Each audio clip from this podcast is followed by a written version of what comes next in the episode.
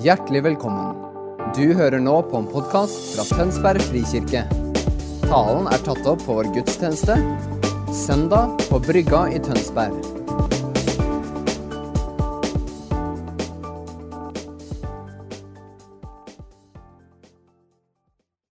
Det er godt å se dere. Noen her og noen i sal 1 òg, så jeg da jeg gikk forbi i stad. Og eh, tydeligvis også noen som er med kanskje i enda flere saler, men også der hjemme. Det er godt å få lov å være her. Eh, selv om det er jo litt spesielle tider. Det må jo være lov å si det.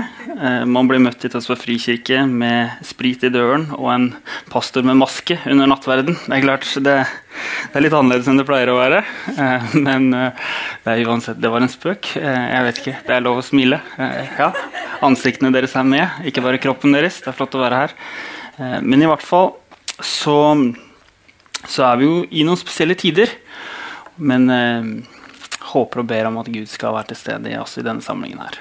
Dere kan åpne Biblene dere, dere som har med det, i 1. Mosebok kapittel 1, vers 26. Fortsetter med å be. Kjære himmelske Far, lys opp våre hjertes øyne, slik at vi får klarhet til å se hva Skriften sier til oss. Gi oss visdom til å skjelne mellom ditt ord og eh, hva som ikke er det. Gi oss innsikt og trygghet til å forstå hva vi skal gjøre med det ditt ord sier, og styrke og mot til å handle i samsvar med det. God himmelske Far, pust på denne stunden og gjør det til et møtepunkt mellom ditt levende ord og oss. Og takker deg, Gud, for at det er virkekraftig, og vi takker deg for ditt nærvær, Herre. Amen. For noen uker siden så hadde jeg gleden av å sitte på kontoret til Morten og ha en liten samtale om både hva han opplevde Gud sa til menigheten, og, og om noen av disse begrepene som vi litt bruker, som blir litt vanskelig å kanskje gripe. Og et av de begrepene var det å søke Guds ansikt. Eh, litt i forkant av det så hadde jeg vært i en annen samtale sammen med, med en eh, pastor fra fra Bergen som hadde fått en virkelig en intens eh, overbevisning om at vi som Guds kirke er Kristi brud. Og jeg måtte innrømme at eh, selv om terminologien er sann og den er bibelsk, så er det visse kristne begreper som lander lettere i meg enn andre. Eh, det å, være, det å innta nytt land for Herren, det å være en hær som er oppreist for Han, er litt lettere å på en måte gripe enn å være Kristi brud og søke Hans ansikt. Så hvordan ser dette ut i praksis? Og så fikk vi en samtale om noen av de, de rytmene som for oss har blitt verdifulle for, for familie, som familie. Og så oppfordret Morten meg til å dele litt om det i dag. Så vi skal snakke om om temaet sabbat eller om det å holde hviledagen hellig. Om hvordan det er på mange måter innvevd i eh, skapelsen og skaperverket. Og hvordan det som for oss som familie har vært en noe brokete reise, men som har, har fått en stor betydning. Og så lever vi i en tid som er krevende med hensyn til eh, påvirkning av digitale medier osv. Men la oss begynne i Skriften. Så begynner vi der i vers 26 i første Mosebok kapittel 1. Gud sa, 'La oss lage mennesker i vårt bilde, så de ligner på oss'. De skal råde over fiskene i havet og fuglene under himmelen, over fe og alle ville dyr og alt krypet som det er på jorden. Og Gud skapte mennesket sitt bilde. I Guds bilde skapte han dem. Som mann og kvinne skapte han dem. Gud velsignet dem og sa, vær fruktbare, bli mange, fyll jorden og legg den under dere. Noen av oss har tatt det noe mer bokstavelig enn andre. som Camilla var inne på. Dere skal råde over fiskene i havet og fuglene under himmelen og alle dyr på jorden. Og Gud sa, se, jeg gir dere planter som setter frø. Alle som finnes på jorden og alle trær med frukt, det skal dere ha å spise. Og til alle dyr som har livsånde i seg, gir jeg dere grønne planter å spise. Og slik ble det. Gud så på alt det han hadde gjort, og se, det var svært godt. Og det ble kveld, og det ble morgen den sjette dag. Professor Stephen Hawking, sannsynligvis mer kjent fra populærvitenskapen enn fra kristne talerstoler, sa i sin bok 'A Brief History of Time' at det ville vært svært vanskelig å forklare hvorfor universet begynte akkurat på den måten som det gjorde, uten ved en akt av en gud som var målrettet i å skape skapninger som oss. Den kjente fysikeren Freeman Dyson konkluderte på sin side at jo mer jeg undersøker skaperverket og universet, detaljene i dets arkitektur, jo mer finner jeg bevis på at universet på et sett måtte vite at vi skulle komme. Arno Penksia, en nobelprisvinnende forsker som fant en kosmisk bakgrunnslyd som på sett og vis kunne bekrefte hva som skjedde i det universet ble skapt, sa at den beste dataen vi har på akkurat hva som skjedde og hvordan det skjedde, er faktisk akkurat den jeg ville forutse før vi fant denne bakgrunnslyden. Jeg hadde ingen annen steder å gå enn de fem Mosebøkene, salmene og Bibelen som et hele. Kanskje tenkte han på det David skrev i Salme 8, hvor han skriver Når jeg ser din himmel, et verk av dine fingre, var det et menneske, at du kommer deg i hu. Videre fra skapelsesberetningen som vi begynte med i første Mosebok, så fortsetter det i kapittel 2. Så var himmelen og jorden fullført med hele sin hær. Og så kommer Guds oppskrift. Etter han har skapt alt så vakkert, så nydelig, så sier han den syvende dagen fullførte Gud det arbeidet han hadde gjort. Og den syvende dagen hvilte han. Den syvende dagen hvilte Gud. Var han sliten? Var han utslitt? Hadde han vært oppe litt for mange netter med nattevåk og bleieskift? Men den syvende dagen hvilte han fra det arbeidet han hadde gjort. Og så står det etter at Gud har skapt dyrene, dagene osv., himmelen og jorden, så står det et av de første stedene hvor det står at Gud så velsignet den syvende dagen. Og så for første gangen så helliget han den. I jødisk tradisjon og jødisk litteratur så er beskriver, be, beskriver de prinsippet om førstegangs nevnelse. Det betyr at den første gangen et prinsipp eller et ord nevnes, har det en signifikant betydning som gjentar seg, og som igjen skapes de neste gangene det, det refereres til senere i Bibelen. Og den første gangen vi snakker om et begrep som kanskje er et av de mest sentrale når vi beskriver hvem Gud er, nemlig det å hellige noen, eller at noe er hellig, at noe er satt til side for, er når skapelsesberetningen beskriver en dag. Er ikke det pussig? Når Gud så skal beskrives av Jesaja i Jesaja kapittel eh, 6 og Johannes, eh, gjennom Johannes' åpenbaring når han får et glimt inn i himmelrommet i kapittel 4 i Johannes' åpenbaring, hvor livsvesenene eller serafene roper ut at Gud, du er hellig så er det altså det samme begrepet som det henter fra beskrivelsen om den dagen som Gud skapte, som han så hvilte på. Det sier noe om signifikansen eller betydningen av hva det er Gud er ute etter. Den syvende dagen fullførte Gud det han hadde gjort, som var godt, og den syvende dagen hvilte han. Han velsignet dagen, og han helliget den, for den dagen hvilte han fra til sitt arbeide det som Gud hadde skapt. Ordet som brukes, er ordet shabbat eller sabbat, i King James-oversettelsen står det 172 ganger, hvorav 107 i Det gamle testamentet. Fra tidenes morgen og på tvers av de aller fleste kulturer har denne syvdagersuken vært, vært eh, etablert. Et av de få forsøkene på å innføre en annen type tidsregning var i løpet av den franske revolusjonen, hvor de i ni, ni år forsøkte å ha en tidagersuke for å øke produktiviteten. Resultatet var at eh, depresjon og, i, og, mentale problemer gikk i været. Selvmordsraten gikk opp. Og etter ni år så måtte de snu tilbake. De hadde også en, et forsøk på 19 dager på, rundt, eh, på ca. 100 år seinere, men det gikk heller ikke så bra. Men siden den gang så har og nesten på tvers av alle kulturer så ser man hvis man ser på måten som de organiserer kalenderen sin Det er litt usikre og uenige om man begynner på søndag eller på mandag, men stort sett og i stor grad så er, er det en inndeling på syv.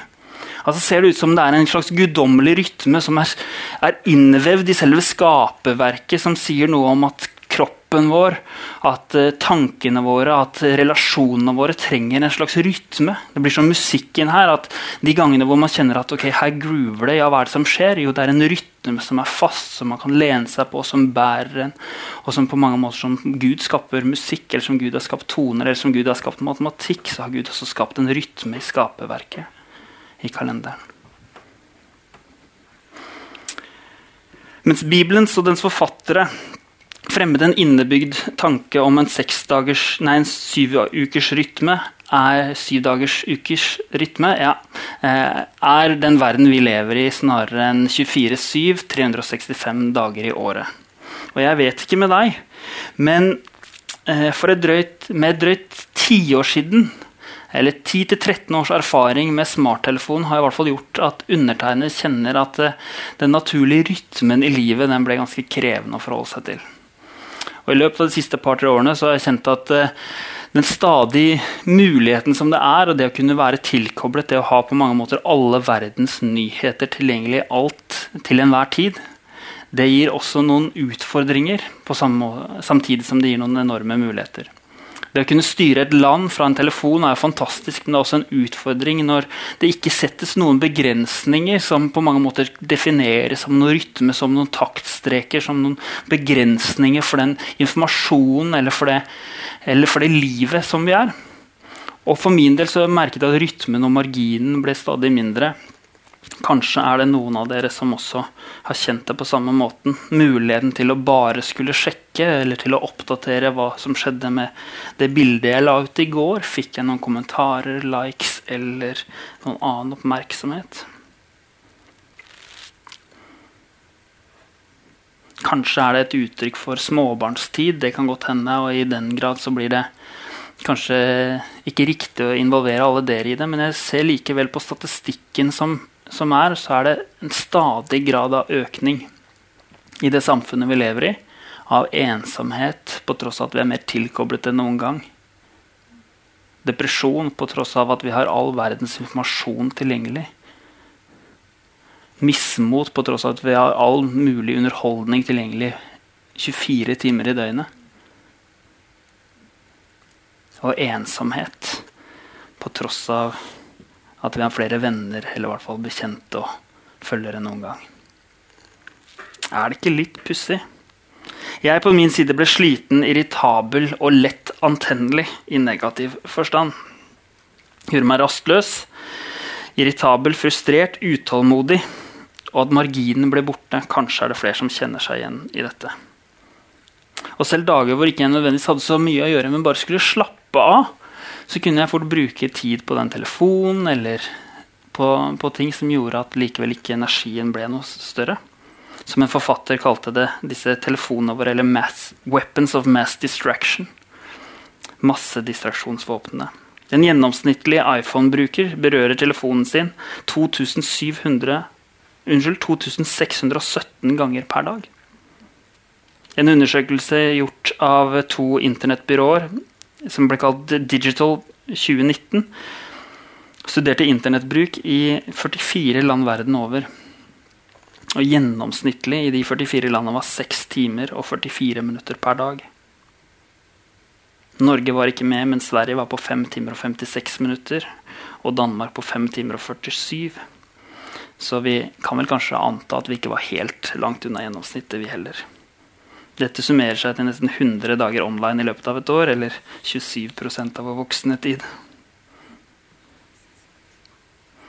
Det er jo litt sprøtt, er det ikke? Og parallelt så setter vi få grenser for våre egne liv. Og kanskje er det litt naivt å skulle tenke. Med innføring av Internett så er utfordringen som vi står overfor, helt annerledes enn tidligere. Men på mange måter så er det bare noe som skjer, Gjennom hver generasjon, med industrialiseringen og oppfinningen av lyspærene, så ble døgnrytmen endret. Og det tok helt sikkert noen tid, kanskje noen tiår før man visste hvordan skal man forholde seg til det. En del av atferden ble endret, men hva skjedde med arbeid og relasjoner som en resultat av det? Og kanskje må vi også stille oss noen spørsmål. Når vi ser at konsekvensen er økende depresjon, sjenerthet og sosial angst, omtales det i barne- og ungdomsskole. Vi kjeder oss ikke lenger. Vi har ryggplager, hodepine, søvnmangel og nakkesmerter. Hva er det som skjer? Samtidig er vi lykkeligere enn noen gang på Instagram og Facebook. Digitale markedsføringseksperter anslo på 1970-tallet at avhengig av alder så ville en gjennomsnittlig amerikaner bli eksponert for cirka, mellom 500 og 1600 eksponeringer hver dag av reklame. I 2007 var det tilsvarende tallet steget til 5000 per dag. Og fra 2015 til 2020 så anslår ekspertene at vi blir utsatt for ca. 10 000 eksponeringer hver dag av annonser eller lignende som prøver å påvirke atferden vår. Og I lys av det er det jo litt naivt at vi tenker at dette er jo bare et veldig kjekt verktøy. Eller at livet vårt leves uten en veldig bevissthet på rytme og regler. Da Google endret sin forretningsmodell for å ikke ta betalt for å vise annonser, men for å skape engasjement, så endret de premissene for den digitale økonomien. Plutselig ble selskapenes evne til å skape engasjement det viktige. Og vi mennesker gikk fra å være forbrukere av tjenester til å bli produktene som Google, Facebook og Instagram selger.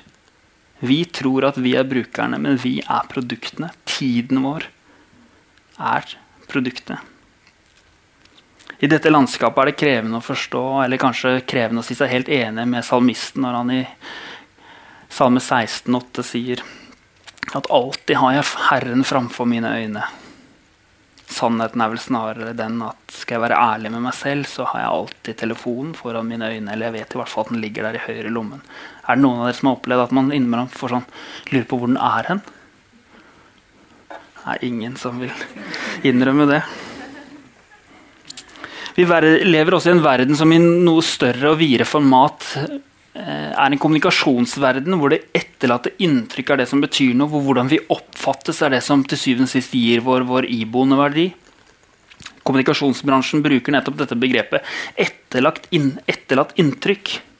Og begreper som integritet eller karakter eller eh, kompromissløshet blir på verdier er fremmede fordi alt som betyr noe, er hva slags inntrykk du etterlater deg hvordan det oppfattes eller hvordan det ses av andre. Så Istedenfor å forme og bli formet av en kultur som sier at dette er de karaktertrekkene vi søker som samfunn, eller dette er det vi som menighet ønsker å strekke oss mot, er det veldig lett at vi også ender opp i en kultur hvor, hvor det er en viss form som er det vi ønsker å skape, at vi skal tilegne oss eller se ut som eller fremtone som. I samfunnet er det enkelt, men kan det også være at vi i Kirken gjerne skulle sett at vi hadde hatt en fremstilling eller, en eller gitt et inntrykk av at vi var litt mer åndelige enn vi var, eller at vi var litt mer ordentlige enn vi var, eller at vi hadde gjort litt feil, færre feil enn det vi egentlig har gjort. Utfordringen er at når kommunikasjonen i så stor grad også skal påvirke seg andre og trigge seg likes og diverse, så er det lett at vi også kopierer den kulturen til våre nære relasjoner.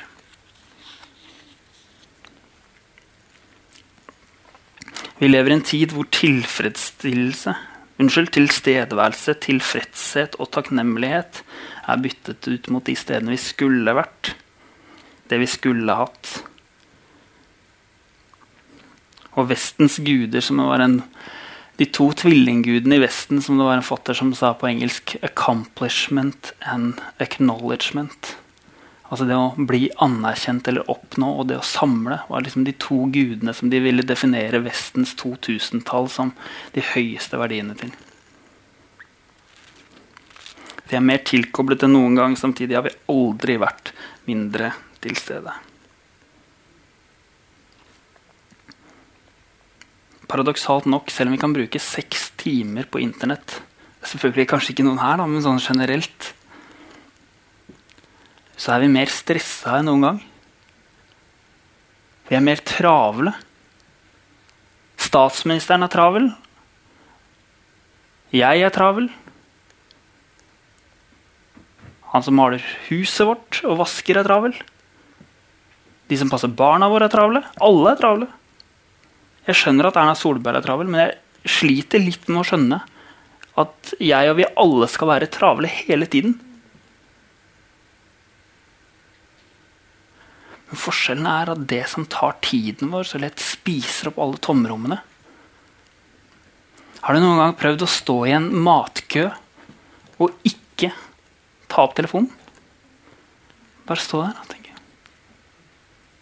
Eller å se på disse køene som lett former seg i trafikken, og så tenker du kanskje ok, hvilken er det som er kortest? Og så legger vi oss over i den andre, fordi der er det én bil færre. Det er veldig fornuftig. Altså, sannsynligheten for at du kommer i en ulykke ved at du legger deg over i det der to fil filer, er ekstremt mye høyere, men likevel så gjør vi det fordi vi kanskje kan spare 0,3 sekunder. Tenk hvordan det ville vært å, å komme til en matkø, og så ser du hvor er køen lengst på matbutikken. Den velger jeg. Dette var godt. Tenk, nå fikk jeg tre sekunder ekstra for å kunne nyte det å ikke ha noen ting å gjøre. Det er helt strålende. Eller å se oppover Liebakken, og så bare ser du Der var det en trailer! Jeg legger meg bak den. Ikke er det bare drivstofføkonomisk veldig fornuftig, men i tillegg så senker det pulsen. Kanskje er det tryggere også enn å dra på oppover. Det vet jeg ikke. Det fins helt sikkert noen som vet mer om det enn meg. Men tenk deg å leve livet på en måte hvor man er til stede. Jeg lurer litt på hvordan det var med Jesus. Om han noen ganger sa 'Gutta, kom igjen! Nå må vi rekke Cesarea Filippi!' Ærlig talt, har du ikke tatt opp de garna? Husk nå å knyte sandalene, da! Ærlig talt, nå må vi rekke det! Kom igjen! Tonefall til Jesus blir høyere og høyere og høyere idet de gutta legger fra seg iPadene og prøve få, han prøver å få det ut i, i bilen. Hvordan tror du Jesus levde? Det ble beskrevet en historie i evangeliene hvor, hvor det var en kvinne som var med blødninger, som fikk tatt på ytterkappen til Jesus. Og Jesus kjente at det gikk en kraft ut av ham. To ting som er veldig fascinerende. For det første den tilstedeværelsen. At man merker at noen napper nederst i det det er en folkemengde som krever hans oppmerksomhet og hans tid. Tenk deg den tilstedeværelsen og bevisstheten om at her er jeg bevisst på at noen ønsker noe av meg, og et behov som trengs. Anette forteller at små barn under fem år har ett behov hvert femte sekund. Det er veldig bra når du har fire barn. Da har du ett ledig. Men tenk deg å være så bevisst. Også på den andre dimensjonen at at Jesus var en bærer av Den hellige nærvær. På en sånn måte at han har merket at det var noe som trakk noe fra han i den forstand at de ønsket noe av det han bar. Noe av det han hadde. Så merket han at der gikk en del av Den hellige ånd. Eller et behov som ble møtt som et resultat av hva jeg bar. På fredag hadde jeg en samtale med en mann som ringte meg, og som hadde utfordring med noen ting lurte hvordan han skulle eh, investere noen kroner. Og, og, eh, fordi livet hadde blitt ganske annerledes enn det han hadde tenkt seg. Og så idet jeg gikk gjennom den samtalen i går ettermiddag og i går kveld, så tenkte jeg vet du hva, der var det noe jeg ikke klarte å møte. I den samtalen var det et behov og et ønske og en sårbarhet som jeg ikke klarte å være til stede i øyeblikket på en sånn måte at jeg kunne imøtekomme hans behov. Og så ble jeg utrolig glad for at jeg hadde tid til å tenke over akkurat det. Men tenk om vi kan være sånne mennesker. Altså, hva er det det egentlig innebærer å være en etterfølger av Jesus? Det innebærer jo dypest sett egentlig å, å følge han som, som så ble sendt etter han som ble sendt, var dratt. Henger du med? Kanskje ikke helt. Men Jesus ble sendt og dro til himmelen og sa det er bedre for dere at jeg drar, fordi da kan jeg sende en talsmann som ikke bare kan være med dere, men som kan bo i dere. Og i tillegg til det ikke bare være i dere, men også være over dere. Så det innebærer på mange måter at det kristne livet er en vandring og en etterfølgelse. Både etter han som er eksempelet, men ikke minst også i veldig stor grad sammen med han som er talsmannen. Og I lys av det må man jo stille seg spørsmål i hvilket tempo går du egentlig? Hvor er du på vei? Japansk teolog som har et navn som ikke jeg klarer å uttale, han skriver i en av sine bøker som har det fantastiske ordet, eh, eller overskriften 'Three Mile God'. Ca. fem kilometer i timens Gud. Hvor han beskriver at Gud var en gud som gikk i det tempoet når han gikk i hagen. Eller når han gikk med folket, eller når han gikk til Cesarea Filippi, så hadde han tid til å se de menneskene som var rundt seg. Han mente altså at tempoet til Jesus og tempoet til Gud, på tross av at Gud skapte lyset i 299 000 km i timen. Fordi det akkurat måtte være sånn. Var en Gud som hadde tid, og som gikk. En Gud som var treg, sier den japanske dialogen. Og mens vi i vår kultur, i vår ordbok ved siden av begreper som treg, står nedlatende beskrivelser av mentale tilstander, og ved rask så er det han er kjapp, han er driftig, han er, han er eh, fremgangsrik, han er fremoverlent. Men han var til stede. Men likevel så forteller forskerne og, og psykologene at det viktigste i en samtale mellom to mennesker er ikke nødvendigvis at man gjør det den andre sier, eller er enig med den, men at den andre føler seg følt. Eller føler seg hørt. At man tar tid til å lytte ut som det jeg ikke klarte på fredag. Vi har mer tilgang til informasjon enn noen gang. Samtidig så er graden av empati dramatisk redusert.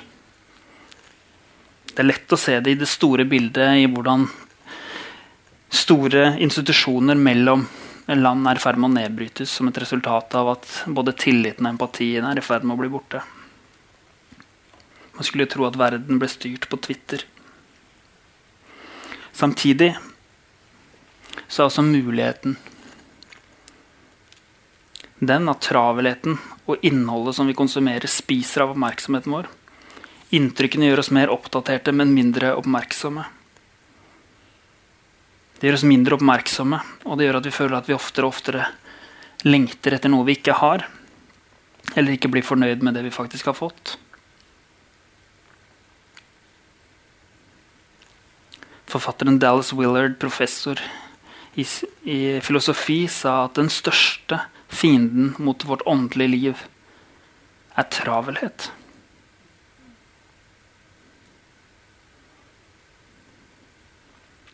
Åndens frukter forsvinner når vi er travle.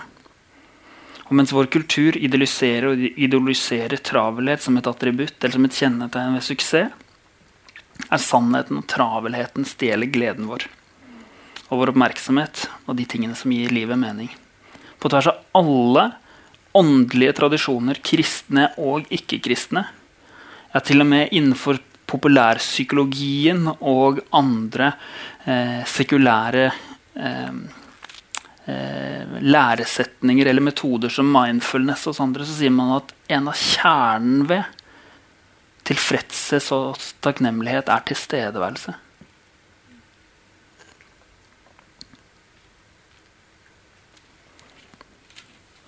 Situasjonen gjør at oppmerksomheten vår er det kamp om.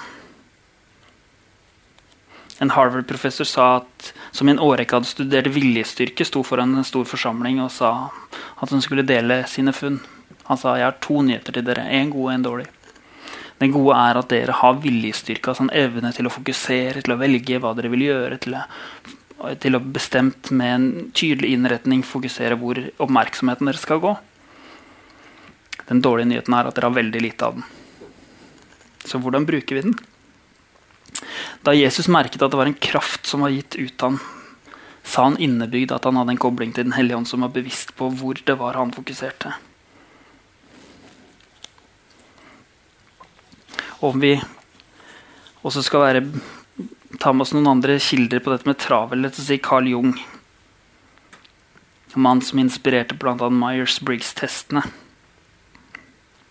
at travelhet er ikke av djevelen. Travelhet er djevelen. Corriton Boom, den nederlandske kvinnelige forkynneren, sa på sin side at hvis fienden ikke kan få deg til å synde, er han mer enn tilfreds om han kan få gjort deg så travel som han kan.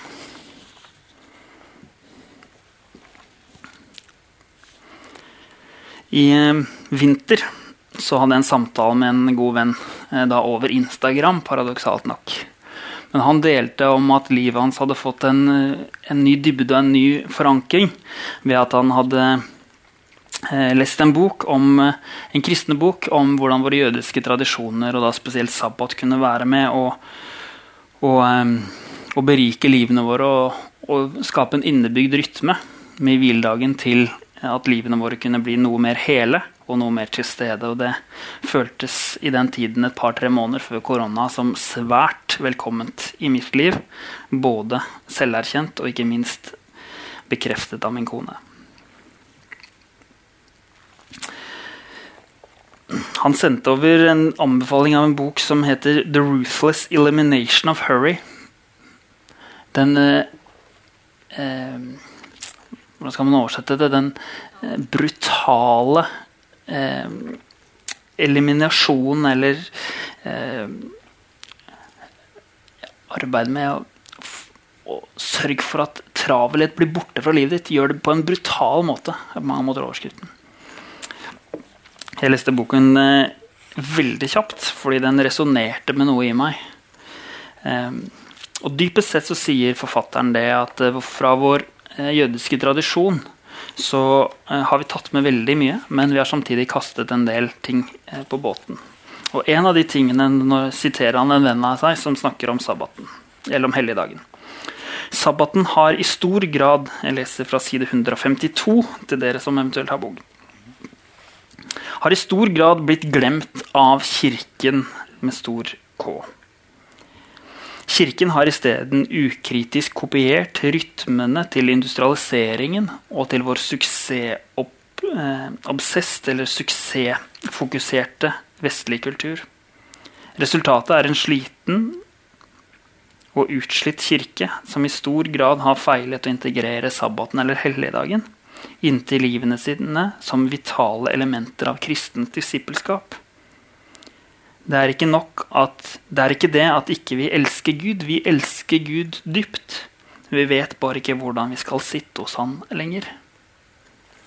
Eller søke Hans ansikt, for å bruke termen som vi snakket om på kontoret. Det er ikke det at ikke vi ikke elsker Han lenger. Vi vet bare ikke hvordan vi skal sitte hos Han. Så hva innebærer sabbaten? Jeg gikk med lyst til å, å, klemme inn og tenkte en, dette har jeg behov for å integrere hvert fall noe av i mitt eget liv. Så eh, det fins ulike praksiser, og Bibelen sier i, i, praksis at det er fire ting som er kjernen i sabbaten. Det første er å stoppe, og i jødisk kultur så var dette veldig definert. Med x antall minutter etter solnedgang så skulle man være inne. Man skulle stoppe fra å jobbe. Man skulle stoppe fra å ønske. Man skulle stoppe ikke bare fra å jobbe, men fra å tenke på jobb. Eller konseptet om jobb.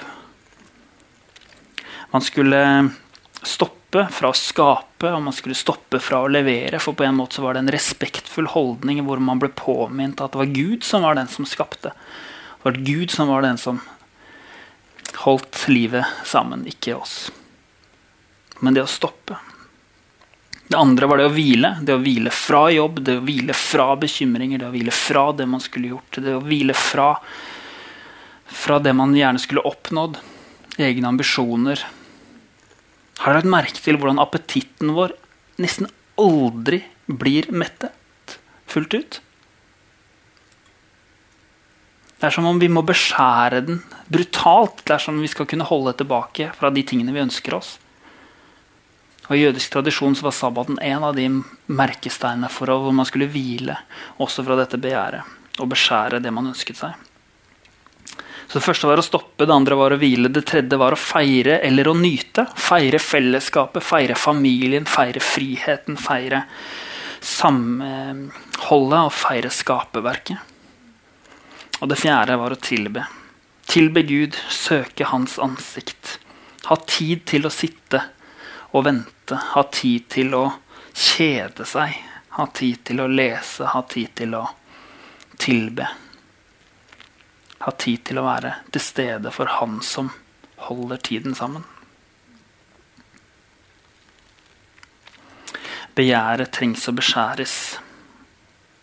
Skaperen trengte å hvile. Ja, men har ikke vi, da? I vår kultur og i vår Vi har jo sabbatsånden av hvile gjennom Jesus. Ja, det er sant. Absolutt. Men vi er jo slitne for det, da. Kanskje er dette budet, som i hvert fall i luthersk tradisjon er definert som det tredje. Og som hvis du leser det, så opptar det nesten en tredjedel, altså nesten 30% av den skriften som budene er, når man leser gjennom budrekken i Mosebøkene.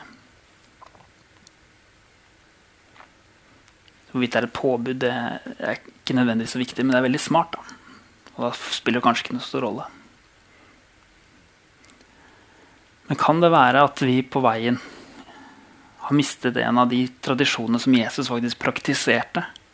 Og som han ikke nødvendigvis trengte å, å si at dette må dere gjøre, for det var en helt naturlig del av det han gjorde? Hvis du leser gjennom Bibelen, Bibelen, og evangeliene og ser hvor mange av historiene som, hvor Jesus gjør enten mirakler eller gjør åpenbaringer som, som, skjer som et resultat av at han er til stede på sabbaten, er det ganske fascinerende. Når han sover en lur hos Peters svigermor, eller når han i måltidet med eh, et av de mange måltidene er til stede og gjør et mirakel. Gang etter gang etter gang. Jeg har ikke tallet på det, men jeg vil anslå at i hvert fall i hvert fall 30-35 av historiene som, Jesus, eh, som, som siteres av Jesus, hvis ikke 50, er hentet fra en sabbatsfeiring. Og jeg må, må, faktisk si at kanskje en av de største gledene i livet det må være å kunne sovne søndag ettermiddag hos svigermor i vel visshet om at livet går sin gang, og at det ikke kommer an på meg mens barna herjer omkring. Det må jo være bra hvile. Kanskje var det sånn Jesus hadde hos Peter sin svigermor. Hvem vet. Innebærer det en fast dag? Og for å prøve å være litt praktisk, det vi, eh, det vi gjorde for oss, og hvor vi har hatt en brokete, eh, brokete vei inn i dette Men Eh, det begynte en eh, fredag kveld, og for oss så funker fredag klokka fem til lørdag klokka fem ganske bra. Fordi det gjør at jeg er til stede ordentlig på lørdag formiddag istedenfor bare å vandre av og skulle gjøre alle, alle, mulige andre ting. Så det er bra for familien vår. Um, for andre så er det kanskje fra lørdag kveld til søndag ettermiddag. Men i jødisk kultur så var det fra fredag kveld til lørdag, og det sier Nytestamentet lite om, annet enn at det er én fast dag, eller det er én dag i uken. Om det er den første eller den syvende, det får, får, man nesten finne ut av selv. Men det å ha en fast rytme, det er viktig. Så for oss så begynte det i det Idol skulle begynne eh, i vinter. Og jeg tenkte at jeg hadde lest denne boken eh, og ble jo, som Camilla sier, veldig ivrig da, på ting. Det er jo mitt til både karakterstyrke og svakhet, sannsynligvis. Um, så jeg satt i den ene delen av stuen um, og var veldig opptatt av at ja, men Anette, her skjønner du ikke at vi her har vi en kjempeskatt som vi må forvalte, og som blir kjempeviktig for oss som familie. Eh, så jeg satt der med hettejakken liksom over hodet og leste i Bibelen hørte på musikk mens hun satt og så på Idol og spiste godteri. Eh, så det var liksom helt utgangspunktet da, for denne viktige, dype kristne praksisen som, som er liksom inngravert i skapelsesberetningen, og som er en del av det som bærer oss over tid og skaper åndelig fordypning. Eh, og, og kjemper mot travelhet og kommersialiseringens høyborg. Det var denne fredagen. Jeg satt der og hadde en fantastisk stund med Herren, litt innbitt og irritert på at Anette ikke var med meg. Men så skjedde det noe etter hvert som ukene gikk. og Det er jo en praksis. Det betyr at man skal praktisere. og Det kristne livet er jo en vandring etter Jesus. og Heldigvis har han både forståelse og forstand til å tenke at ok, her går det noen skritt denne gangen. Men etter hvert så har det for oss blitt en, eh, noe vi ser fram til som ukas beste dag. Så det vi gleder oss over, er å kunne ha tid til å feire, til å kunne stoppe opp. til å kunne, Når fredag ettermiddag kommer og jeg reiser fra byen og tar på en eh, podkast i øret eller en, eh, eller en lovsang, så merker jeg at jeg liksom begynner å boble på innsiden. Det tok fire-fem måneder før jeg begynte å kjenne at hva, jeg lengter faktisk etter å lengte etter Gud.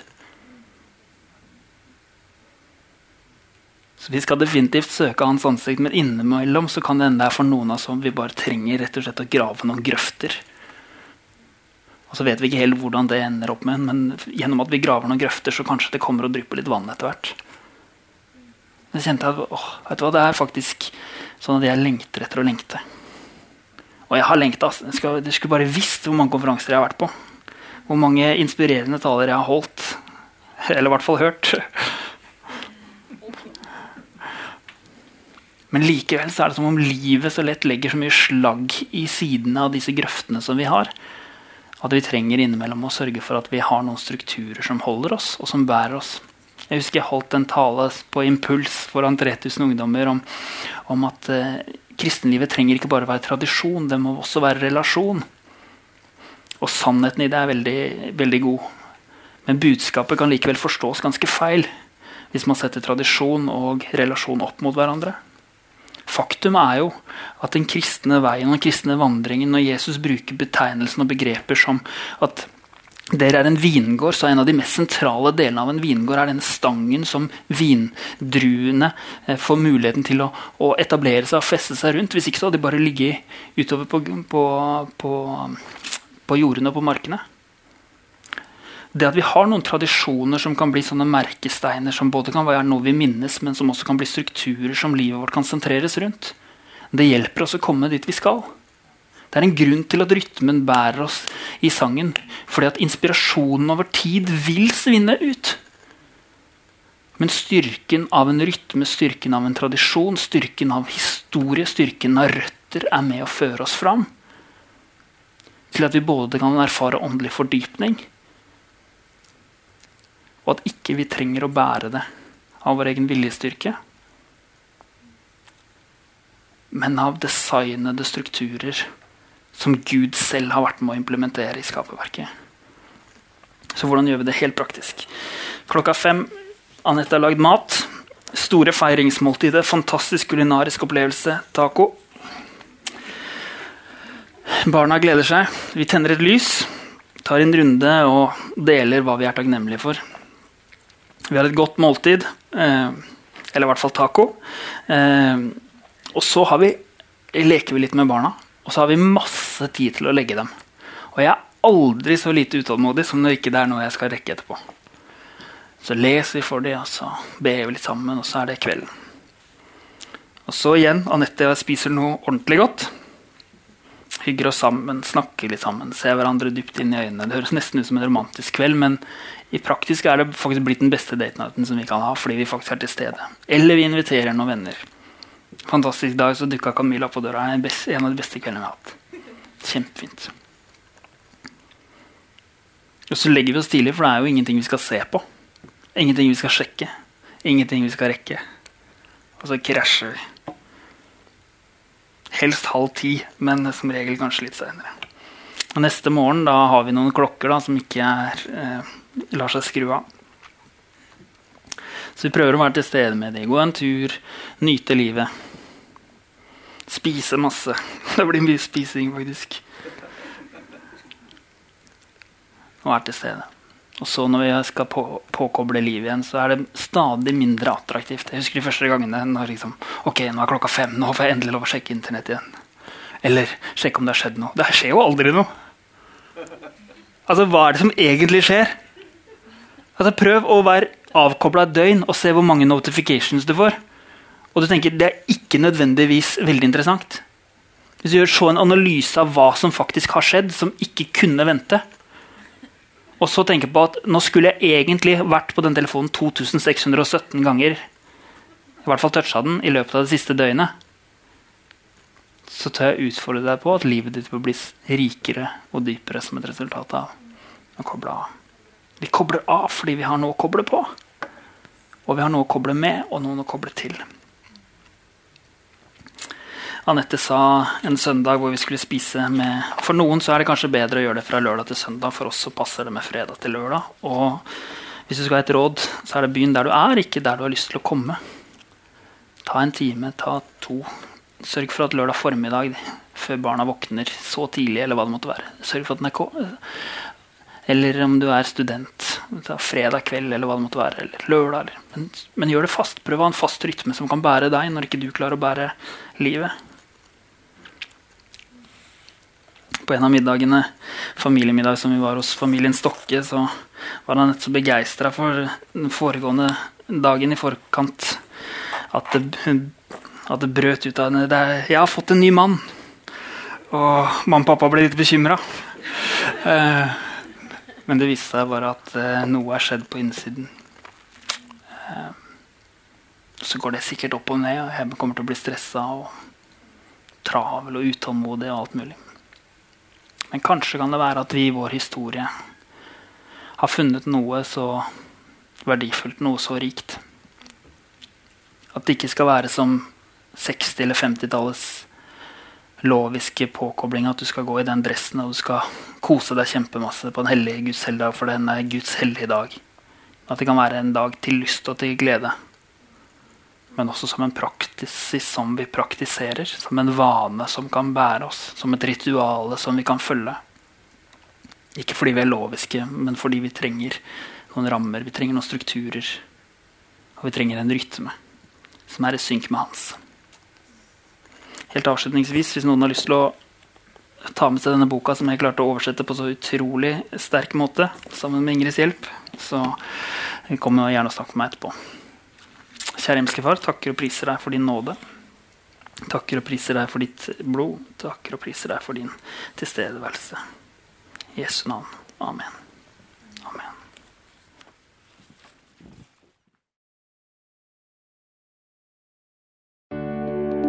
Takk for at du hørte på vår podkast.